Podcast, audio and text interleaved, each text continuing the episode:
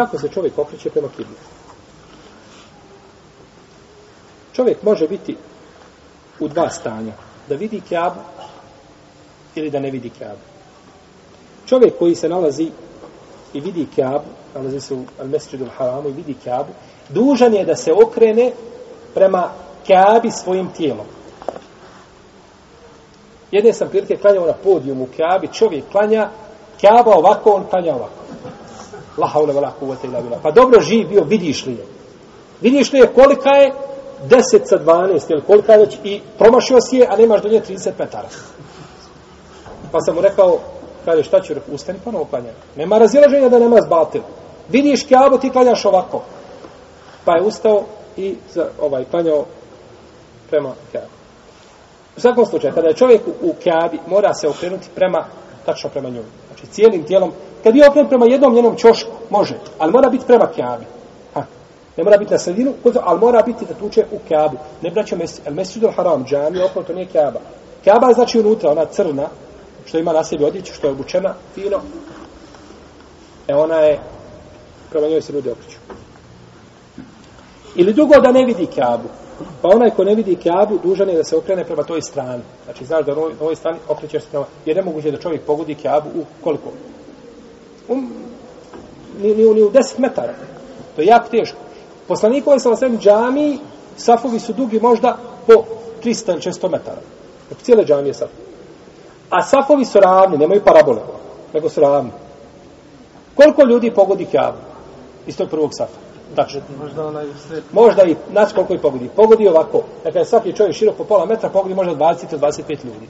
Oni u sredini. Svi oni drugi nisu pogodili kjabe. Ali su pogodili šta? Ha, Šart, a, a, a, ovaj, pogodili su džihu ili stranu. Pa je to dovoljno. I nikada niko nije kazao da namaz šta nije.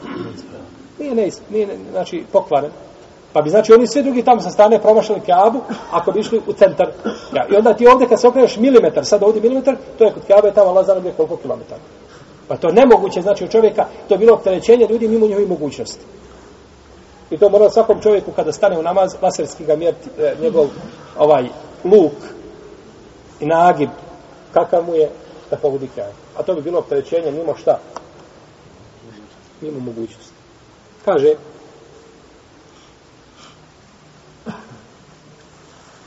uzvišen Allah kaže a, okrenite se prema strani šatre al masjid haram znači prema strane koji se nalazi.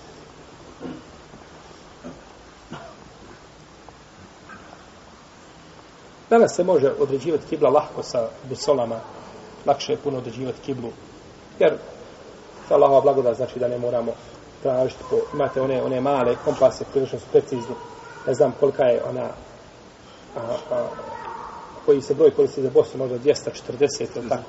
Koji? 255. Dobro, uglavnom znam ovaj, da, da se razlikuje. 250.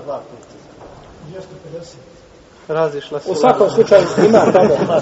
Zavisi kako koji. Ima različite one, one ima na svakom, svakom, na svakom toj busoli ima napisano koji se yes. koristi. Čovjek kada nosi uzac više ne mora spati, samo je stavi na mjesto gdje nema žene za ispod, pošto ona magnetom tada pogrešno pokazuje i pokaže otprilike kabu ovaj, za Allahovu pomoć. I ja sam baš mjerio par, nisam upoređivao, baš da vidim kako, otprilike ste tu negdje, znači u par deka se jeli, radi, tako da je šalotela da je dozirno radi po njima. Osim onih na seđadama što zalijepene, mislim da one nisu ispravne.